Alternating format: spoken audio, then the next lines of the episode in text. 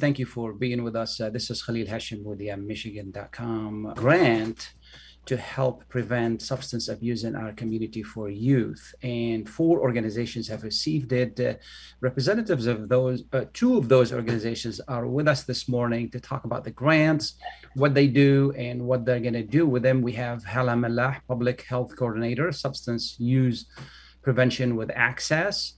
Mona Hijazi, Community Engagement Manager with Access as well, and Mara Phillips, uh, drug free community project coordinator with LAHC, and that's Leaders Advancing and Helping Communities. Good morning to you all. Good morning. Thank you so much for being with us. Uh, let's start uh, with uh, Hala and Mona, and then we can move to Mara. Um, um, just tell us a little bit uh, about what you do and you know how important this money is, and and, and what are you going to do with it. Sure. Thank you so much for having us this morning. Good morning to everyone on the call. So the coalition is the ASAP Community Coalition, and it is a drug-free communities coalition that is the grant is through the CDC and ONDCP.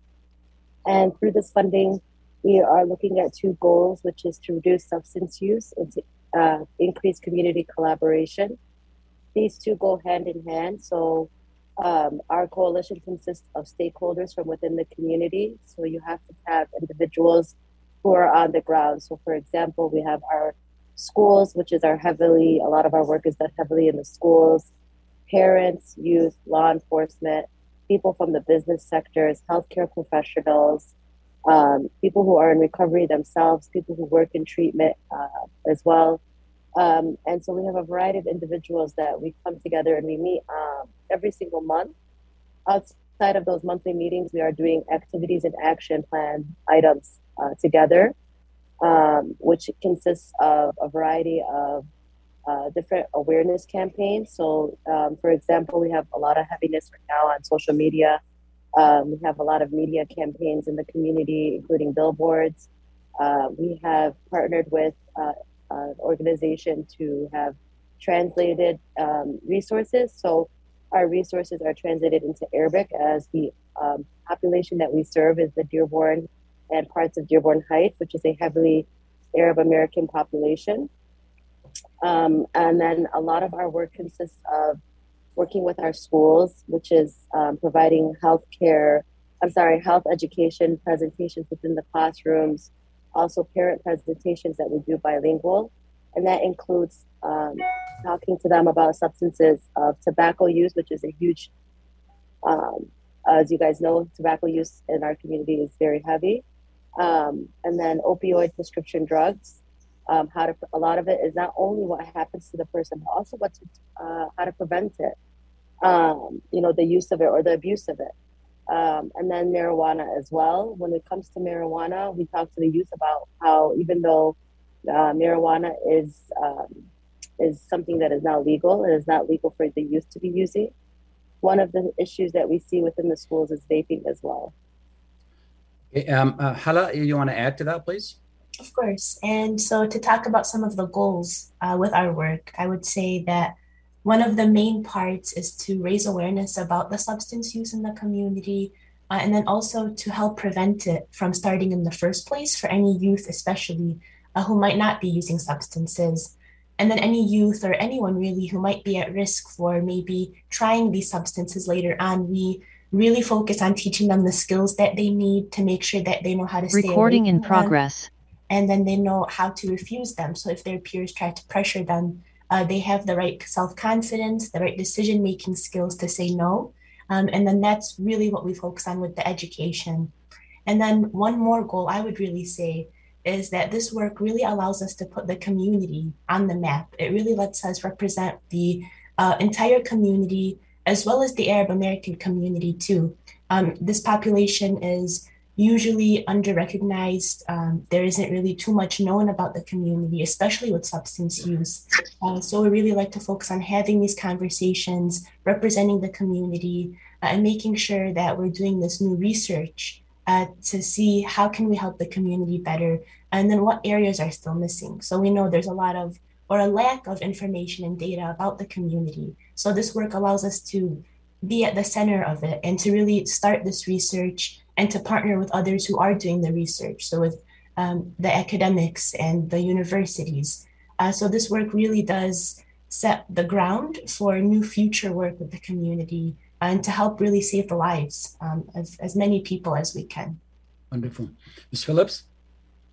Yes, um, and something that I like the most about the DFC format is that um, what Mona mentioned, having all of the sectors of the community involved in that conversation, because um, you know the law enforcement sector may have some different ideas about how to address youth substance use than maybe youth in the community or schools or parents. So having all of those sectors represented really allows us to have the most holistic approach. Um, it allows us to have the most experiences and the most resources at the table in order to address this problem. Um, and similarly to what they had mentioned as well, a lot of the programs we offer address the um, the beginnings of substance use, right? Because we are prevention. Um, so we address things that may lead to substance use in the future, like um, teaching healthy coping skills, teaching how to have a positive self image and how to have difficult conversations. Um, and we have those programs with youth, we have those programs with parents as well. Um, but ultimately, we're trying to you know, provide information, enhance skills, provide support as well, um, and reduce those barriers that are keeping people from either being involved in this or just keeping people from um, taking a look at their own lives and their own families as well, and kind of taking that information and taking their own experiences and bringing that to the table and helping other people with that. Absolutely. Is this your first uh, uh, program at LAHS? Um, we have LAHC, I should say. Yes, we have a substance prevention program at LAHC that serves all of Wayne County and that's been in existence for um, for quite a while with the organization. But the ACT Drug Free Community Coalition, which is the recipient of the DFC grant, um, that is relatively new. We're in our third year, um, and we provide specific focus in Dearborn Heights and Inkster. Uh, uh, Mona, um, when we're talking about substance abuse, what are we talking about? You know, that's a very good question. There's so much there, right? I mean, you can look at it from the prevention aspect. You know, you you talked about this earlier. That you know, the num- the age of a youth has gone down to 12 years old for the first time that they actually try a substance. So we are really looking at how do we prevent that? How do we increase the number of uh, in classroom presentation conversations, and not only from us talking to the youth. Um, one of the my favorite parts of our uh, coalition is our youth group. Um, so we create these young ambassadors and these young individuals in the schools that work on um, on action plan items um, within their schools as well. So, for example, um, you know they uh, did a lot of research themselves around tobacco laws, about pop laws, about um, compliance checks for vendors, and from that they put together a wonderful presentation that was recognized in front of the city council of dearborn and dearborn heights um, you know when we look at substance use treatment um, we look at not only just substance use but substance use is something that could be co-occurring with mental health um, health issues as well um, so you do want to take a holistic approach when you're looking at someone's treatment now when you look at um, your partners that are on the table you know when you get a grant there's never a time where everything that you have to turn into that grant funder is the only work that you do. There's always so much out of the box work that has to be done because you are working in a community and you got to listen to your community and you have to accommodate your community. So, for example, after COVID, after the big two couple years of COVID, COVID of course is still around. Still our around, schools yeah. struggled, yeah.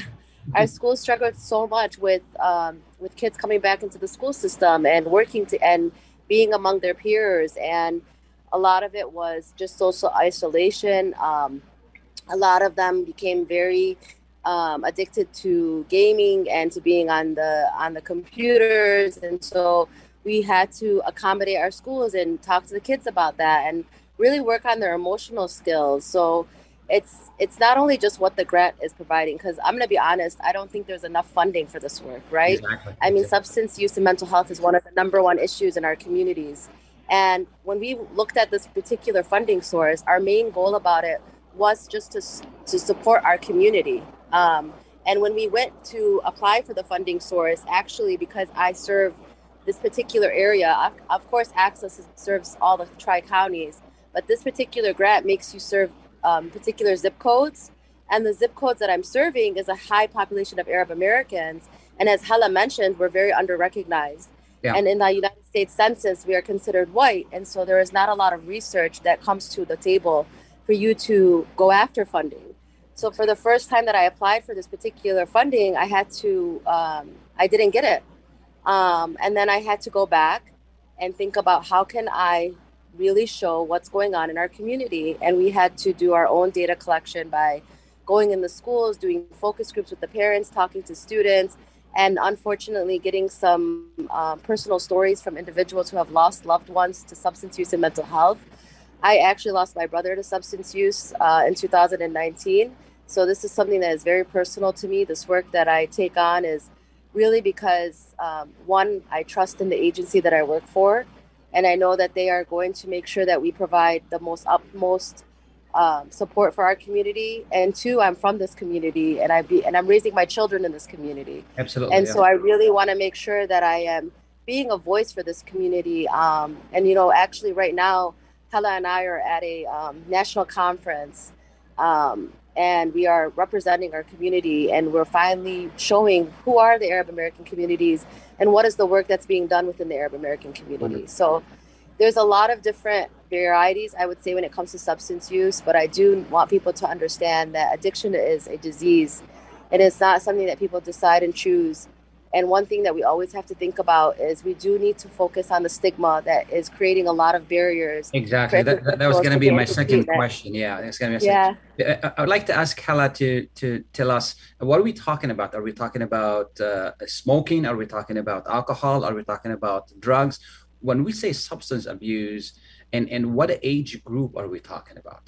Sure. So with substance uh, misuse, I would definitely say that when we're talking about this issue, it's bringing awareness to when someone is using the substances in the for the wrong reasons. So maybe it's to self-medicate, uh, to deal with some sort of mental health uh, illness that's going on, or maybe because they're being pressured into it, um, or maybe because of their environment and their peer pressure.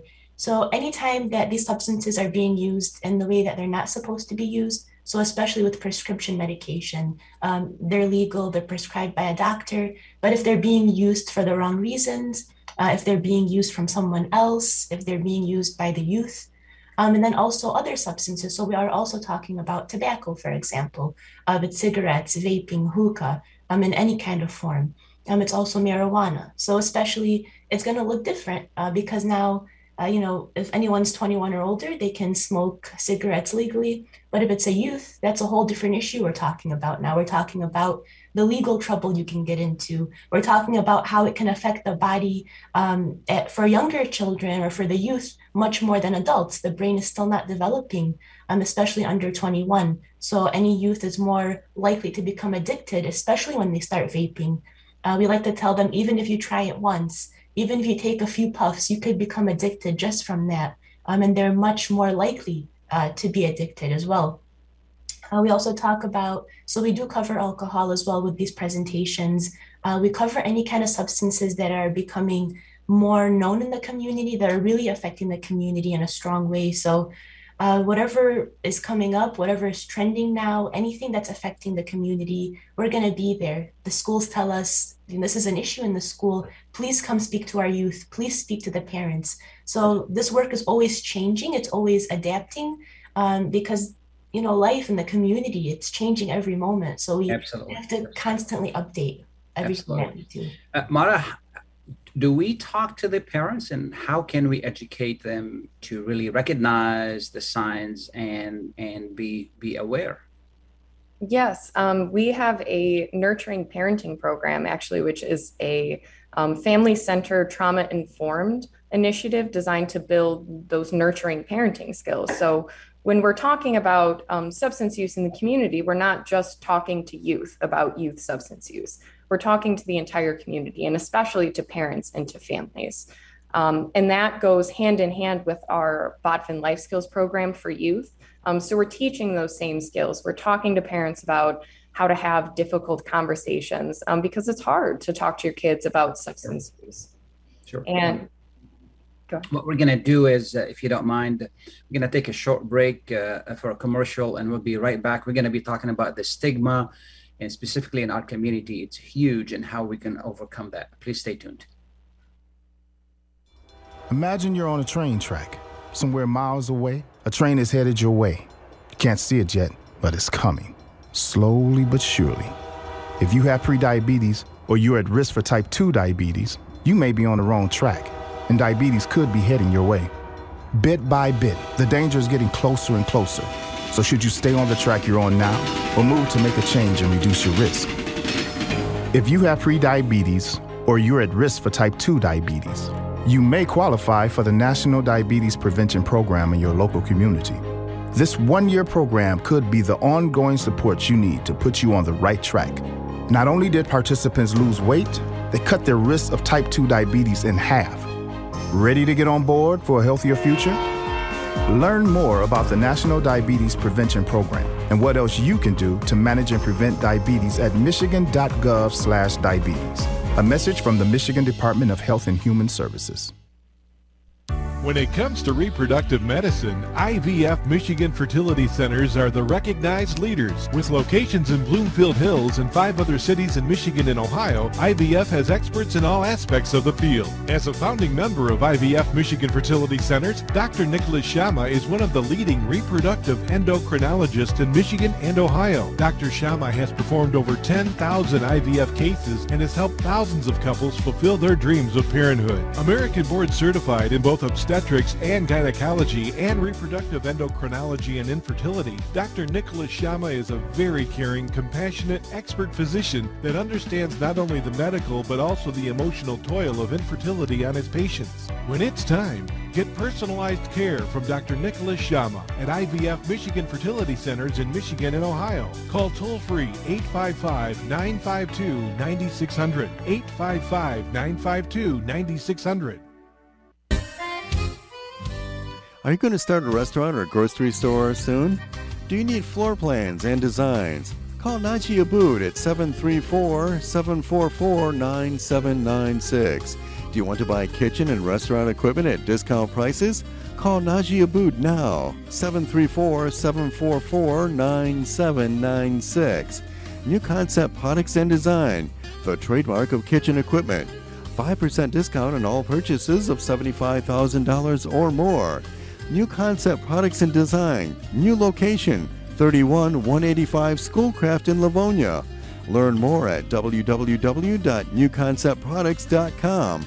Call Najee Abood 734 744 9796.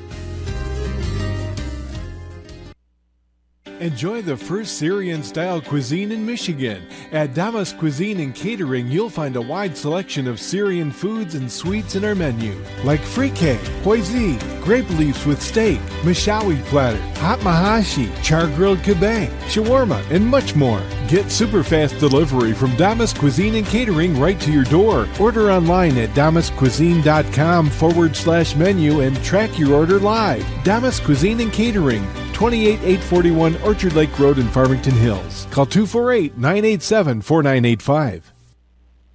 Welcome back and thank you for being with us. Uh, this is Khalil Hashim. Uh, we're talking about how to prevent substance abuse, and uh, it's uh, you know it's a very important uh, topic in our community. It involves our kids. It involves educating the parents. It involves uh, many different facets. What started this is a grant to four organizations in, in, in Southeast Michigan that would get money for these education.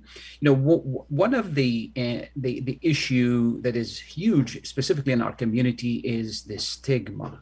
How do you talk about this? How do you convince parents that it could be your child? It could be could be us you know and when people are dealing with it they just it's want to keep it hush hush instead of saying no, this is happening to me. It could happen to you. How, how do we deal with that? Uh, um, anyone, if want to take, uh, uh you know, uh, uh should, should I, I, I, start? Yeah, go ahead. Yeah, that's fine. Um, I think that when we looked at how are we going to address substance use and mental health in our community, stigma was one of the top ones that we looked at, and so that's why we said okay, let's do some education around it, right? Let's explain what is addiction. What does this look like, right? And one of the things that we always talk about is there's no face to it. It really could be anyone and it could be anyone's child. And so we talked about, you know, a lot of the work that we had to do was about education. And the other portion of it is, you know, we had to do the research on it. Like, what is the reasoning behind stigma? Um, I'm working on a project right now with uh, Wayne State University on that, on understanding, you know, where does that come from? You know, why are people, um, you know, what are the barriers that's causing individuals to have it? And a lot of it comes from lack of knowledge. A lot of it comes from what the uh, United States has created on the media platform of what addiction looks like. You know, what does that mean in, in the past history of the drug uh, pandemic throughout the United States and throughout the world? You know so when you want to bring it back home you got to you know really make it understandable for individuals. I would have to say that a lot of it also comes from people not even knowing what mental health is and what depression looks like. You know that's something that you know people don't talk about. Um, we also talk to people about having conversations with their, um, their about their own health. I think health in for uh, in our community is something that people are not very comfortable talking about it could be physical health mental health community health, you know? And so, you know, we really need to create that by, for example, one of the things that we found was people go to faith institutions. So we had to talk to our faith leaders about educating them during their sermons. You know, talk to the community about that. Hold the events within. You know, um, one of the things we used to do is instead of having people come out to us, to our building or to our events, we would go to them because yeah, then we yeah, can destigmatize you know we we meet people where they're at. I, at the end of the day if it's for prevention if it's for treatment at access we meet people where they're at. Um, i do want to tell you that from this program from this coalition from a lot of the work that we did um, we have partnered with the dearborn and dearborn heights police station and we um, provide a quick response team that goes to the people's homes. So it's one of our team members with a police officer that goes to an individual's home who has a history with the police. So if they have a police record for mental health or substance use, we go out to their home, we meet them where they're at, and we provide them a treatment option. You know, you really got to make sure we're always very busy. I think one thing that we don't do is um, campaign enough what we do. Um. We're so we're always. I think sometimes people are not aware of everything no. that we do um, because we're just so busy doing it and I can tell you right now that our advocates that are going into the homes, you probably don't know about that because we don't publicize people's faces about what they're doing, you know. So we which don't want okay. to, which is okay, you know. Yeah, as long as we, we get we get the results. Absolutely. Exactly. That yeah. is the whole point is to get people yeah. into the right places. Right. Another thing about stigma with mental health and substance use is that we need to understand that people do recover and that they're welcome back into the community. Absolutely. I do want to say that stigma for, you know, on a personal level, I think stigma was one of the number one issues my brother faced is yeah. feeling like he didn't belong, feeling like he shouldn't be in the community, feeling like he's being judged, you know, and I come from a very well-known family in the community, so that was very difficult for him. But just to show you, you know, I have 11 siblings and we have physicians and people like myself who work in this work and I still lost a loved one to sub- substance use. Sure, sure, so sure. just to show that really stigma can be a huge barrier for individuals and we want to break that. And there's people who are in recovery that are living and have families and are doing really well and we want to recognize them. Absolutely absolutely. Uh, mara how, how do we how do we talk to parents? Um, by talking to parents again reducing that stigma something that we try and do is remove morality from that conversation. Um, you know because addiction is a disease. It can affect anybody um, it is a more it is a mental and physical health problem. It's not a testament of a moral deficiency in any way. Um, so we try and humanize that experience, right? Um, something that we do in talking to parents and youth and the community in general is we have um, coffee chats. So we just really sit down really casually and have coffee and have a conversation with specialists in the community as well as people in recovery. Um, and that's something that we've seen a huge um, reduction in stigma and kind of start that conversation because um, our community is seeing people who are in recovery, a lot of times people who got sober young, so had to navigate addiction and, and kind of go through that um, very young and, and talk about what that was like for them and where they are now. And like Mona said, a lot of these people have families, they're very successful in the community, they feel very supported. Um, so, in reducing that stigma, we're trying to um, give those people a platform to say, look, people can recover, they do recover. Um, so we should address people with addiction with that same humility and with that same compassion that we do once they're recovered. Hala, what can we do as a community to help you do what you do? So I would, uh, a lot of things that I could mention uh, would be to allow these conversations to happen in a way that's easily met. Um, so again, reducing that stigma so that we we're more welcome to speak about these issues. Um, people are more open to the messaging of it, uh, and to know that we're here to be helping. Uh, we're here to teach life-saving information. We're not here to teach anything that's uh, negative or that's harmful to the community. It's the complete opposite of that. Um, and really just continue to support the work, uh, spreading the word about the work that we're doing, um, welcoming it, and really just having more conversations, I would say. So whether it's with the parents, whether it's the youth, uh, really destigmatizing this topic of mental health. And as much as we can to spread awareness about mental health and speaking about it in many of the ways that everyone here has mentioned so far um, just making them regular topics that we should be discussing. And i also like to mention you know i mean mental health doesn't mean that somebody is crazy. Mental health being that mm-hmm. somebody is, has is face is facing certain issues that can be addressed and they can move on. Um, because in our community more so than other communities when you bring this subject or the topic of mental health or you tell somebody that you know you may need counseling or you may need uh, to talk to somebody the first thing they say i'm not crazy. It's not about being crazy. It's about needing help, needing maybe just to talk to somebody, mm-hmm. somebody to listen to you, somebody to explain to you what the fundamentals are, and, and, and then going back to them. Now, do we have enough supporting programs? Because you know you can get somebody out of out of trouble, but if you don't have supporting programs, that that journey may not be as good as as it should be. Do we have enough supporting programs, Mona? So, are you talking about when someone's going into treatment? Yes. Yeah, I mean, is there enough? Um, that's a very difficult question. Sometimes I could say people can get into bed, uh, can find beds in inpatient. Sometimes there's a, a lack of beds. I mean, it really is. The healthcare system is a very difficult system to navigate. Um, so in Wayne County, what you have to do is you have to go through the um, Detroit Wayne Integrated Health Network, which is 1 800 241 4949 um, and the person has to call and then they have to do an assessment over the phone and then they have to um, go from there. So we're not very comfortable with telling someone call that number. Um, sure, sure. we we prefer to sit with the person and to help them call that number because if someone is at that point where they're willing to get help they're not in a state of mind to be doing that alone. They need that support. It's all about supporting that individual through their through their um, recovery process. So it's really got to figure it out. Like i said you know if we have to go to their home then we go to their home. If they want to come to our agency then they come to our agency and then they're linked to a case manager a therapist a psychiatrist if needed. I mean it's a holistic approach. So once you do get that individual into treatment um, then you need to do the follow-up care. So they either need outpatient treatment which we have um, over 100 um, mental health individuals in our agency that work uh, work on these clients um, and then sometimes they need clinical Sometimes they're even ready to get back into work. So we um, link them to someone who can help them find a job in the community. Um, we even educate our local businesses about hiring people who are in recovery. Our, um, our agency ourselves, we hire individuals who are in recovery.